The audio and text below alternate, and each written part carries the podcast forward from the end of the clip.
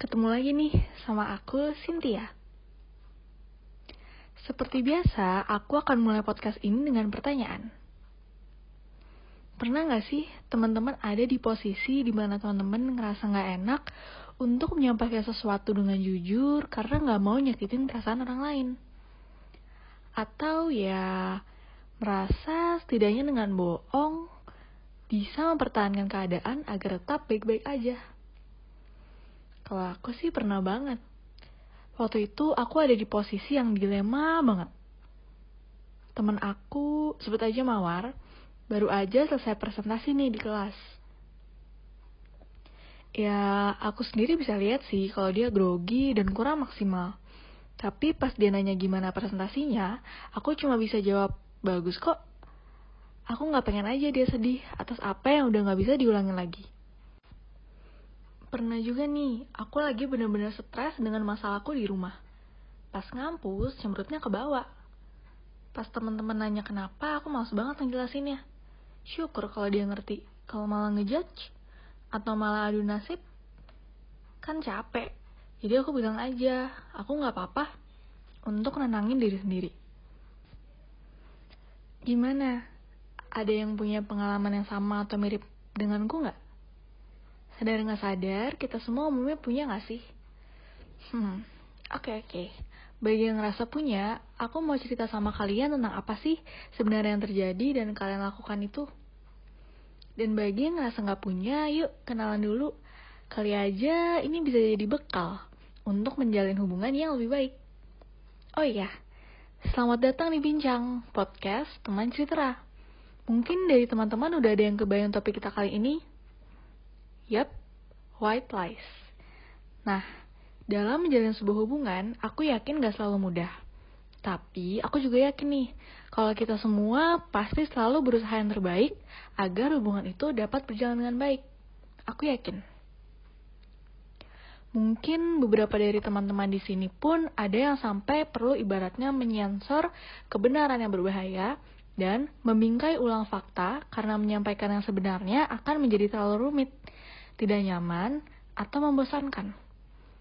Atau juga untuk menghindari situasi sosial yang canggung dan ketidaknyamanan.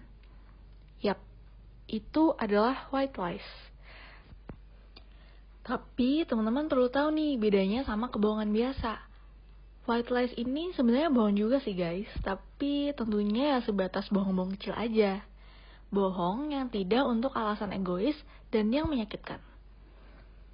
Pada dasarnya, kita menyampaikan white lies tentunya untuk menjaga dan mempertahankan hubungan yang kita punya. Kita pasti mau menghindari masalah dan konflik dengan orang lain.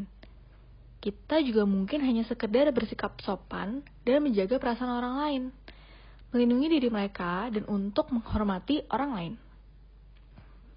Menurut teori yang aku dengar dari seorang ahli, White lies tuh emang dianggap mampu membantu terjaganya stabilitas hubungan sosial. Dapat digunakan untuk menjaga sopan santun saat berinteraksi dengan orang lain. Kalau didengar-dengar, white lies ini bertujuan dan berdampak baik ya. Tapi di sisi lain, kalau dipikir-pikir ya, white lies tetap aja bohong kan ya.